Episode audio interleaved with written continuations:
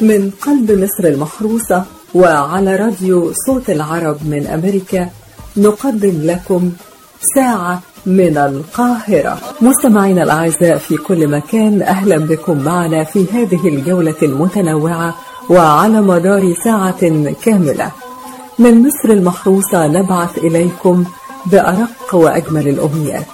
ونتمنى أن تسعدوا معنا خلال هذه الساعة مع كل ما نقدمه لكم من فقرات ولقاءات وأغنيات. أهلا بكم أصدقائنا المستمعين في كل أنحاء العالم خلال هذه الساعة التي نقدمها من مصر المحروسة.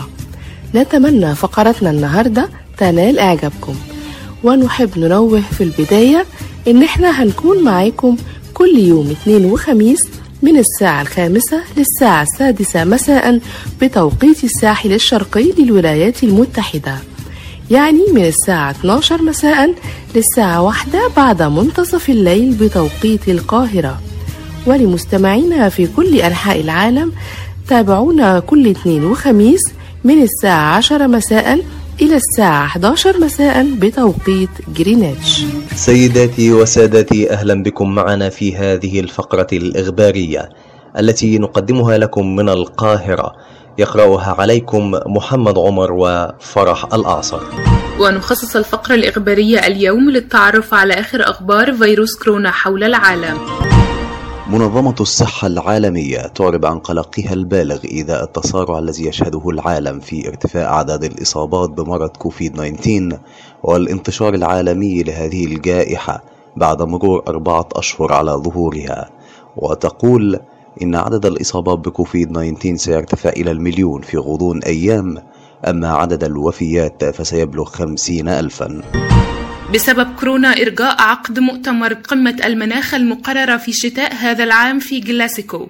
وقرر مكتب مؤتمر الأطراف التابع لاتفاقية الأمم المتحدة الإطارية بشأن تغير المناخ إرجاء مؤتمر الأمم المتحدة السادس والعشرين المعني بتغيير المناخ والمقرر عقده في نوفمبر 2020 إلى العام القادم. المنظمة العالمية للأرصاد الجوية تعرب عن قلقها بشأن تأثير فيروس كورونا على عمليات المراقبة والتنبؤات الجوية. وبيان صحفي مشترك من المفوضية السامية لحقوق الإنسان والمنظمة الدولية للهجرة ومفوضية الأمم المتحدة لشؤون اللاجئين ومنظمة الصحة العالمية. يطالب بحماية حقوق وصحة اللاجئين والمهاجرين وعديمي الجنسية في استجابة العالم لجائحة كوفيد 19 ترامب يحذر مجددا من أن الولايات المتحدة ستواجه أسبوعين مروعين بسبب فيروس كورونا. الرئيس الأمريكي دونالد ترامب يؤكد أن بلاده ستتوافر لديها أجهزة التنفس الصناعي قريبا وأن إنتاج هذه الأجهزة سوف تنتج بدرجة أكثر مما تحتاج إليه وسيكون هناك ما يكفي من الأجهزة لإرسال بعضها إلى دول أخرى. بومبيو. قدمنا 270 مليون دولار ل 64 دولة لمواجهة تفشي كورونا كما عرضنا مساعدة إيران وفنزويلا وكوريا الشمالية. وندرك أن هذا تحد إنساني ونحرص على مساعدة مواطني هذه الدول أكثر من اهتمام رؤسائهم وحكوماتهم للأسف. وزير الخارجية الأمريكي مايك بومبيو يقول ندعو كافة الدول إلى تشارك المعلومات والبيانات لمواجهة تفشي فيروس كورونا. رسميا الحكومة الروسية تعلن أن اختبارات لقاح جديد لفيروس كورونا ستبدأ في يونيو وأن الاختبارات ستتضمن 60 متطوعا. وارتفاع عدد الوفيات بفيروس كورونا في العالم إلى أكثر من 40 ألف وفاة وفق حصيلة محدثة لوكالة الصحافة الفرنسية.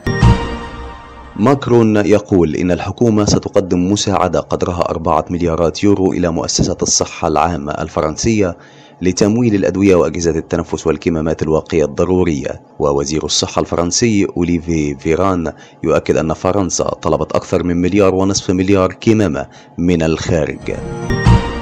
الرئيس المصري عبد الفتاح السيسي يصدر أمرا بتحمل صندوق تحيا مصر كافة نفقات الحجر الصحي للمصريين العائدين من الخارج والمقيمين في فنادق العزل الصحي.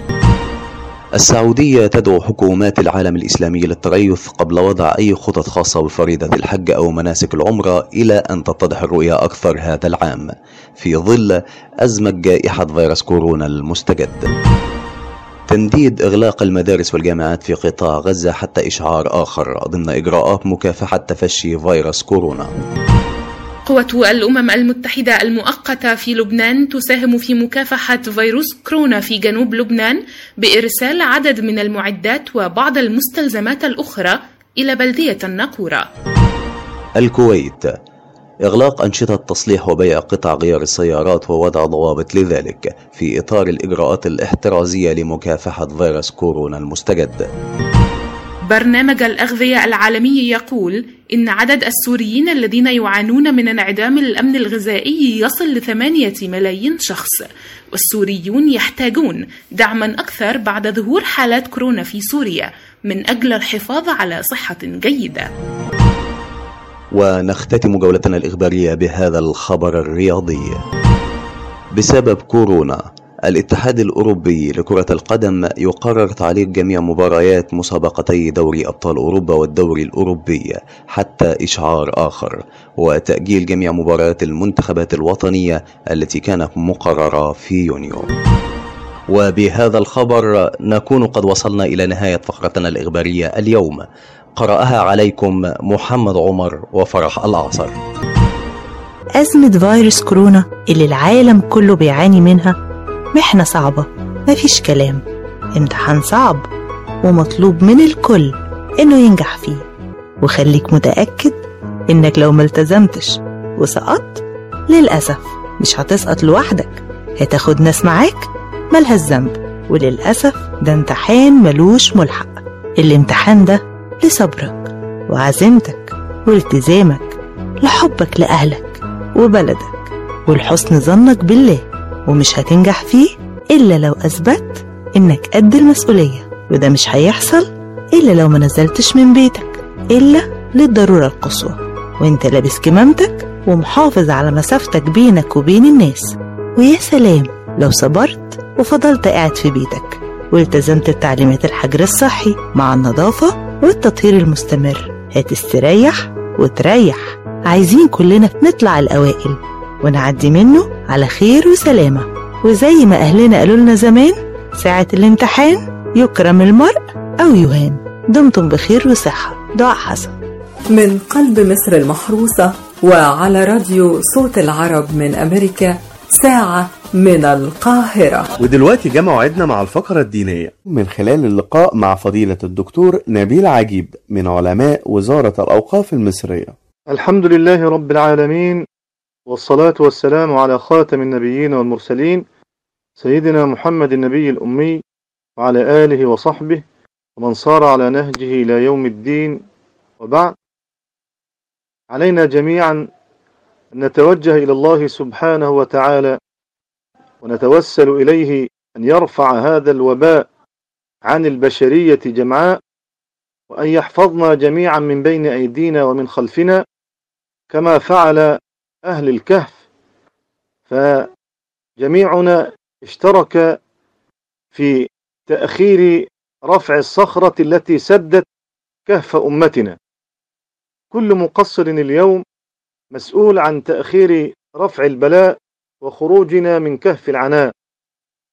تزداد صخرة المحنة بذنبه إحكاما وتكثر الصخرات بحسب عدد الغدرات. توسل إلى الله بعمل صالح. أيها المسكين أخلصت فيه كما فعل أصحاب الغار فأزاح الله عنهم الغمة فكيف بمن جعل مكان الحسنات تتابع السيئات كما كم يجني هذا الفاعل أو كم يجني هذا المقصر على أمته بدلا من أن يتوجه بالحسنات يتابع ويتتابع بسيئاته ولا حول ولا قوة إلا بالله. لنعلم لم تندفع الصخرة إلا بعمل ثلاثة فلم يكف عمل واحد أو اثنان بل لابد أن يتحمل الكل مسؤولية دفع صخرة المحنة وإلا هلكنا.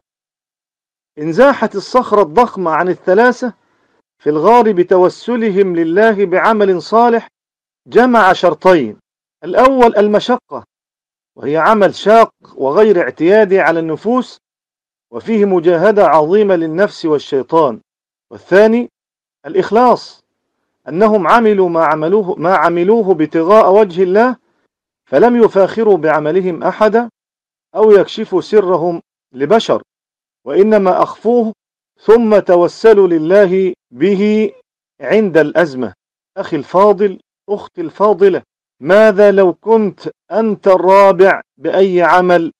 كنت ستتوسل إلى ربك ليرفع عنا هذا البلاء وهذه المحنة الكبيرة. ولا يشك أحد ولا ييأس أحد. واعلم لولا المحن لشككت في الطريق. سئل الإمام أحمد بن حنبل ألم تصدك المحن عن الطريق يا إمام؟ قال والله لولا المحن لشككت في الطريق. إن الله لا يبتليك بشيء إلا كان خيرا لك. وإن ظننت العكس أرح قلبك. فلولا البلاء لكان يوسف مدللا في حضن أبيه. ولكنه مع البلاء صار عزيز مصر عليه السلام. ومن المنفى رجع موسى نبيا صلى الله عليه وسلم. ورجع من المهجر سيد الخلق صلى الله عليه وآله وسلم فاتحة. أفيضيق صدرك بعد هذا؟ كونوا على يقين أن هناك شيئا جميلا ينتظركم بعد الصبر ليبهركم وينسيكم مرارة الألم. ما أعظم ديننا حقا. ونحن في شهر شهر السقيا شهر شعبان. نتوسل إلى الله جل جلاله بالأعمال الصالحة من رفع البلاء والمحن عن مرضانا والدعاء لهم ومساعدة الأيتام والأرامل وذوي الحاجات والعمال الذين انقطعت أعمالهم ولم يجدوا راتبا لأهليهم وذويهم. نساعد هؤلاء وأولئك قدر المستطاع. ولا ننسى الدعاء لهؤلاء الشهداء بالرحمة والمغفرة. وأن يسكنهم الله الفردوس الأعلى وأن يسكنهم منازل الشهداء وأن يشفي مرضانا في كل مكان وأن يرفع البلاء والوباء عن مصرنا وعن سائر بلاد المسلمين وعن البشرية جمعاء. اللهم آمين يا رب العالمين. وقريبا بإذن الله ستنفرج الغمة لكن علينا أن نتضرع إلى الله ولا نيأس. وأن نكون على يقين فإن بعد العسر يسرا إن بعد العسر يسرا. اللهم فرج كربنا وارفع عنا الوباء والبلاء يا أرحم الراحمين. لا تؤاخذنا بتقصيرنا. لا إله إلا أنت سبحانك إنا كنا من الظالمين. ربنا ظلمنا أنفسنا وإن لم تغفر لنا وترحمنا لنكونن من الخاسرين. وآخر دعوانا أن الحمد لله رب العالمين وصل اللهم على نبينا محمد وعلى آله وصحبه أجمعين. من قلب مصر المحروسة وعلى راديو صوت العرب من أمريكا ساعة من القاهرة. أهلا بكم من جديد أعزائي المستمعين مع أخبار خفيفة. أخبارنا النهاردة أخبار جديدة. استنوني أنا بسمة محمد ولكن بعد الفاصل. وأول خبر معانا النهاردة بيقول استغلوا إغلاق كورونا وسرقوا لوحة لفان جوخ فتحت الشرطة الهولندية تحقيقا في عملية اقتحام متحف يضم لوحات للفنان الشهير فينسنت فان جوخ يعتقد أن منفذي العملية استغلوا تدابير الإغلاق المتعلقة بمكافحة تفشي فيروس كورونا المستجد. وقالت الشرطة الهولندية إن اللصوص اقتحموا متحفا للفنون الهولندية. كان قد أغلق مؤخرا بسبب القيود التي تهدف إلى إبطاء انتشار فيروس كورونا. ولم يتضح على الفور ما إذا تمت سرقة أي لوحات أو قطع فنية أخرى في الحادث الذي وقع في الساعات الأولى من صباح الاثنين الماضي في متحف سنغرلالين شرقي العاصمة الهولندية أمستردام. غير أن صحيفة ميرور البريطانية أشارت إلى أن اللصوص سرقوا بالفعل لوحة للفنان الشهير فان كوخ. رسالة الهرم الأكبر في زمن كورونا. تحول الهرم الأكبر في الجيزة مساء الاثنين الماضي إلى ما يشبه شاشة عرض كبيرة بعدما أضيء بالضوء الأحمر ونقشت عليه بالضوء رسالة توعية أرادت السلطات المصرية من خلالها حث المواطنين على ضرورة الالتزام بتوجيهاتها لمكافحة فيروس كورونا. وتبنت هذه المبادرة وزارة السياحة والآثار المصرية. ظهرت بعبارتين كتب بالإنجليزية والعربية. باللونين الأخضر والأزرق. جاء في الأولى خليك في البيت احمي نفسك وتحية للقائمين على حمايتنا. في إشارة إلى الطواقم المعينة بمكافحة فيروس كورونا المستجد. وقال وزير السياحة والآثار خالد العناني خلال حفل صغير أقيم بمناسبة إنارة هرم خوفو بحضور عدد ضئيل من الصحفيين. إنها رسالة إلى العالم أجمع مؤكدا أن وزارته تبذل جهدا كبيرا لتطهير وتعقيم الفنادق. زوجان استراليان يتناولان الفطور على ظهر شاحنة صغيرة لتفادي قواعد الحظر. قام زوجان استراليان بإعداد طاولة طعام مؤقتة في الهواء الطلق على ظهر شاحنة صغيرة لكي يتمكنا من تناول وجبة الإفطار خارج أحد المقاهي وتفادي القواعد الصارمة المتعلقة بالتباعد الجسدي وحظر تناول الطعام داخل المقاهي والمطاعم. وأفادت صحيفة ديلي ميل البريطانية أن الثنائي قام بتثبيت طاولة مع كرسيين على متن شاحنتهما من أجل الاستمتاع بالفطور خارج أحد المقاهي. وكانت الحكومة الأسترالية قد أجبرت كل المقاهي والمطاعم على التحول إلى الوجبات الجاهزة في محاولة لإبطاء انتشار فيروس كورونا المستجد. وكان رئيس الوزراء سكوت موريسون قد نصح الأستراليين أخيرا بعدم مغادرة منازلهم إلا لدواعي الضرورة لكن يبدو أن الثنائي وجد طريقته الخاصة لتناول الطعام خارج المنزل على الرغم من قواعد التباعد الجسدي. ووفقا لديلي ميل يمكن تغريم الإستراليين 13 ألف دولار في حال انتهاك القواعد المفروضة على الفيروس المستجد الذي يحد من التجمعات العامة لأكثر من شخصين. تنوني كل يوم اثنين وخميس الساعة 12 أنا بسمة محمد. النهاردة هكلمكم عن حاجة كلنا محتاجينها خصوصا في الفترة دي علشان الظروف الصعبة اللي بيمر بيها العالم كله اللي صابت ناس كتير بحالة نفسية سيئة. الحاجة دي هي الابتسامة. علشان الحزن والقلق مش بيغير الواقع لكن الابتسامة بتصنع واقع جديد. مش معنى الابتسامة إني سعيد لكن معناها إني راضي. الابتسامة ليها سحر لأنها بتنور الوش زي الشمس ما بتنور الدنيا. الحياة قصيرة مفيهاش وقت يضيع في زعل. اهزم الحزن بالابتسامة. بنحتاج جزء من الثانية عشان نبتسم لكن أثر الابتسامة بيدوم وقت طويل. مجرد ابتسامة وقلب نظيف ونفس متسامحة؟ كده نعيش جمال الحياة. ساعات بنستخف بسحر الابتسامة رغم إنها ممكن تحول مسار الحياة تغير نظرتك للأمور تخليك تشوف الموقف بمنظور آخر. زي مثلا سحر الابتسامة على وجوه الأطفال بتنسيك همومك لو قد الجبال. الابتسامة أمرها عجيب. لو رسمتها الحبيب هيحس بالراحة ولو رسمتها العدو هيحس بالندم. ولو رسمتها لحد ما تعرفوش أصبحت ليك صدقة. الابتسامة ممكن تحرك مشاعر مدفونة وطاقات كامنة وكمان بتدي قوة على مواجهة الصدمات والصعوبات. وبيها نتجاوز الحزن زي ما بالكلمة الطيبة نتجاوز الكراهية. وأخيرا ابتسم. ما تحرمش نفسك من السعادة. وما تحرمش غيرك إنك تدخل الفرحة والسرور على قلبه. خليك قدوة. خليك مدرسة. تخرج جيل من السعداء والمتفائلين. ابتسم في وجه أهلك وأولادك وأصدقائك. الابتسامة بتولد السعادة في البيوت وتقوي العلاقات. وفي النهاية نصيحتي ليكم انشروا الابتسامة في كل مكان. مع تحياتي ليكم أميرة مدحت. من قلب مصر المحروسة وعلى راديو صوت العرب من أمريكا ساعة من القاهرة. أهلا بيكم أعزائي المستمعين في جولة جديدة ورحلة في بلدنا. يلا بينا نبتدي رحلتنا ونروح نزور مدينة من أجمل المدن السياحية في مصر الغردقة. مدينة الغردقة وهي عاصمة محافظة البحر الأحمر. اسمها الأصلي هرغادة زمان كانوا الصيادين من قبائل الرشيدة والمعازة بيصطادوا في المنطقة ما بين الحجاز وساحل البحر الأحمر. وكانوا بيتقابلوا عند شجرة كبيرة جدا لنبات الغردق. ومكانها الحالي مينا الغردقة البحري وبعد كده اتطور اسمها وأصبح الغردقة.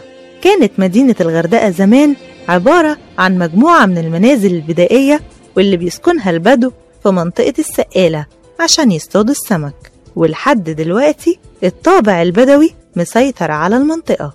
الغردقة متقسمة لمجموعة من الأحياء. زي حي الدهار وده بيعتبر المنطقة الشعبية في المدينة ومركزها القديم وفي الأسواق الشعبية والمحلات التجارية وسوق السمك وكمان الطرق السياحية زي طريق الممشى وطريق الهضبة وطريق المطار. وفي كمان حي السقالة وده بيعتبر المنطقة السياحية بالمدينة وفي مطاعم وفنادق ومحلات ونوادي. مدينة الغردقة بتتميز بمناخ صحراوي جاف ومعتدل طول السنة. يلا بينا نتعرف على المعالم الطبيعية والسياحية هناك. أبو رمادة ودي منطقة بتتميز بميتها المسطحة الضحلة لكن فيها حياة بحرية مذهلة ومتنوعة. فيها أسماك الجاك والبركودة وقرش الشعاب المرجانية صاحب الزعنفة البيضة والتونة بأعداد كبيرة وقرش النمر. كمان في منطقة الفنادير. ودي عبارة عن شعب ضيقة وطويلة وهادية موجودة شمال الغردقة وبتتميز بإمكانية ممارسة رياضة الغوص والحياة البحرية غنية جدا. فيها سمك أبو مطرقة وسمك التونة وسمك الجاك والسمك الحجري. أما منطقة سهل حشيش وده منتجع مليان بالفنادق والمطاعم والأنشطة السياحية الفاخرة.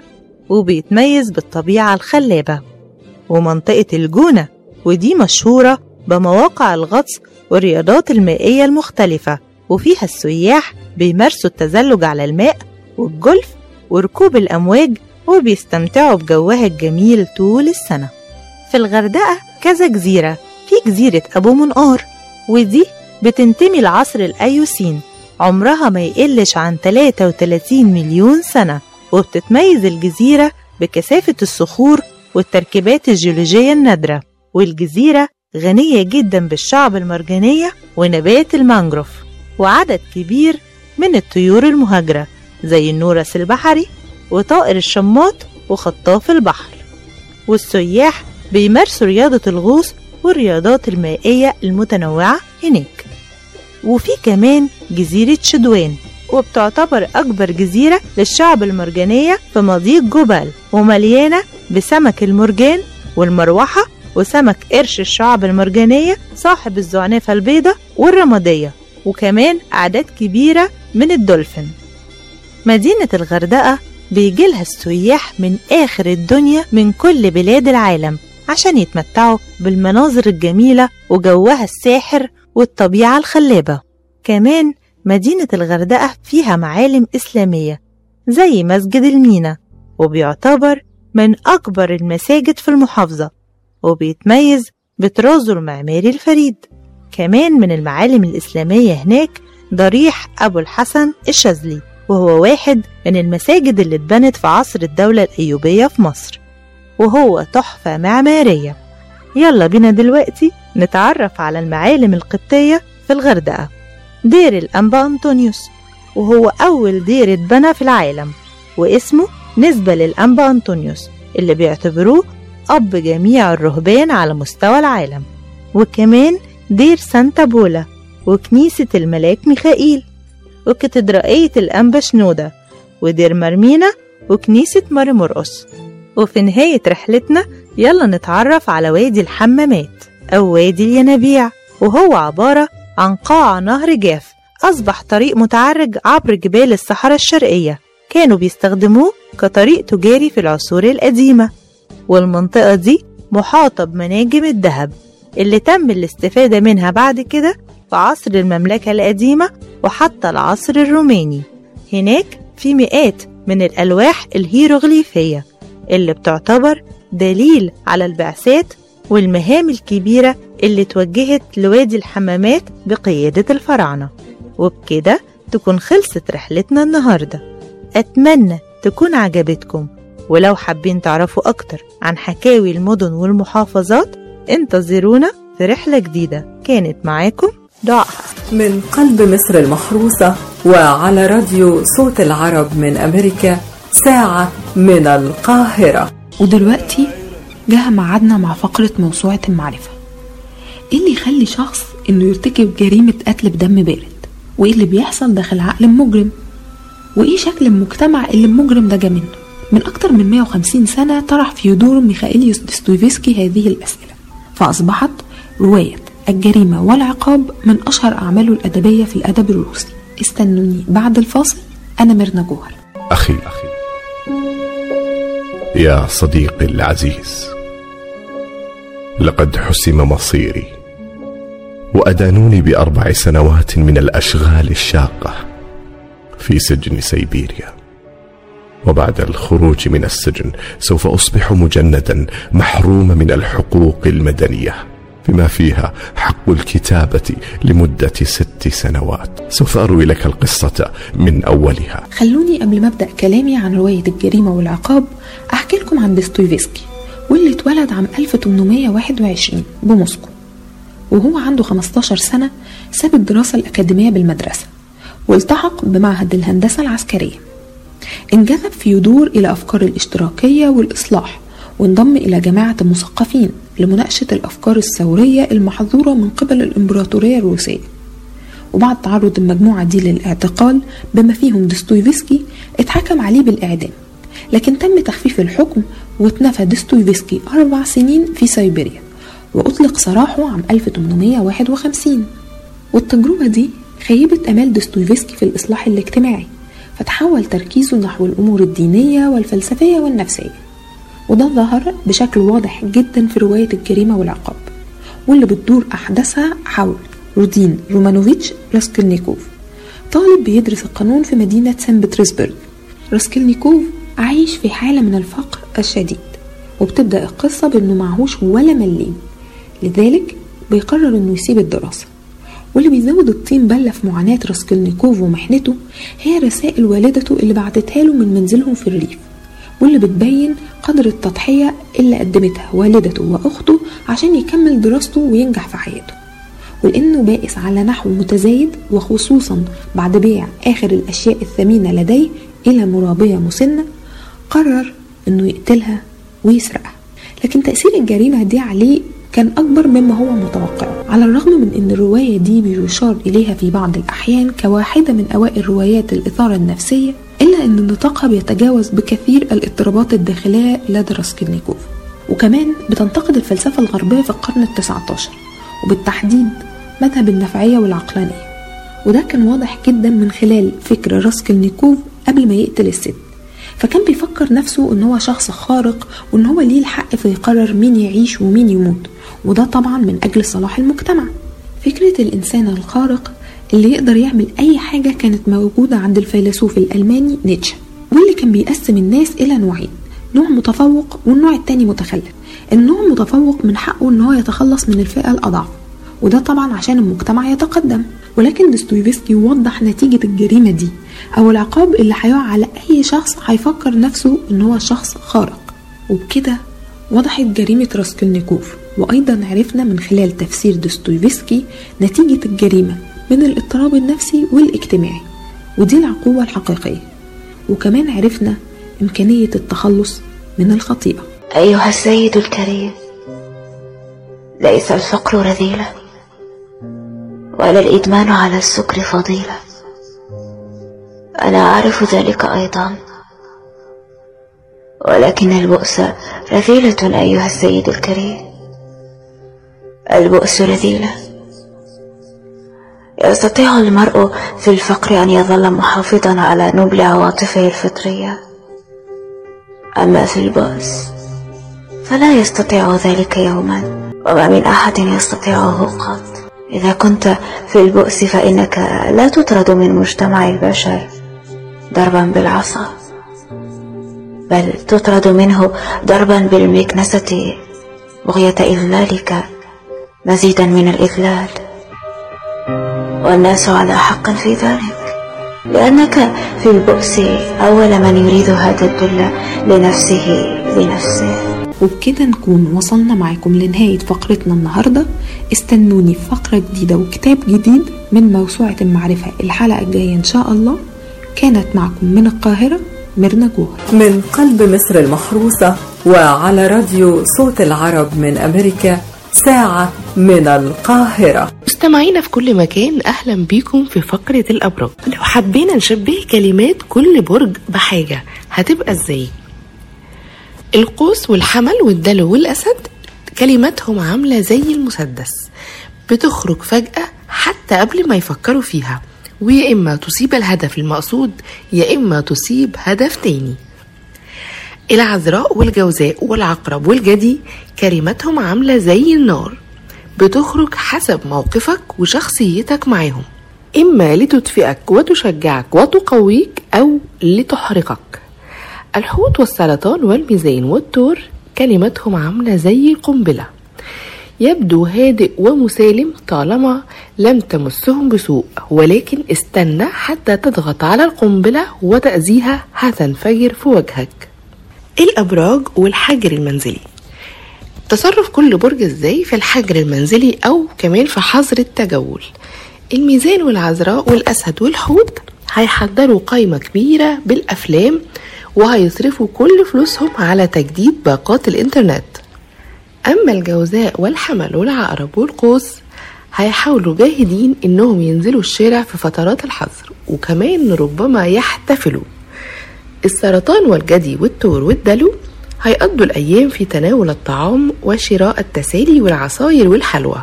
وفي احتمال إنهم ينقلوا التلاجة لغرف. وبما أننا ما زلنا بنحتفل بشهر برج الحمل هنقول لك ست مستحيلات مع برج الحمل.